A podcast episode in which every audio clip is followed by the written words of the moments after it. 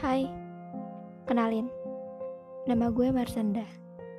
Biasa dipanggil Nda karena terlalu panjang. Gue sering banget nulis apa pun yang gue rasain.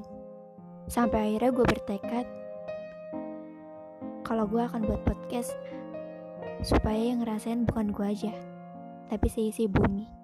Yang dengerin cerita gue mungkin ada yang termotivasi atau bosan. Tapi gue berharap dengan cerita ini bisa disampaikan dengan seseorang yang selama ini gak bisa gue sampaikan.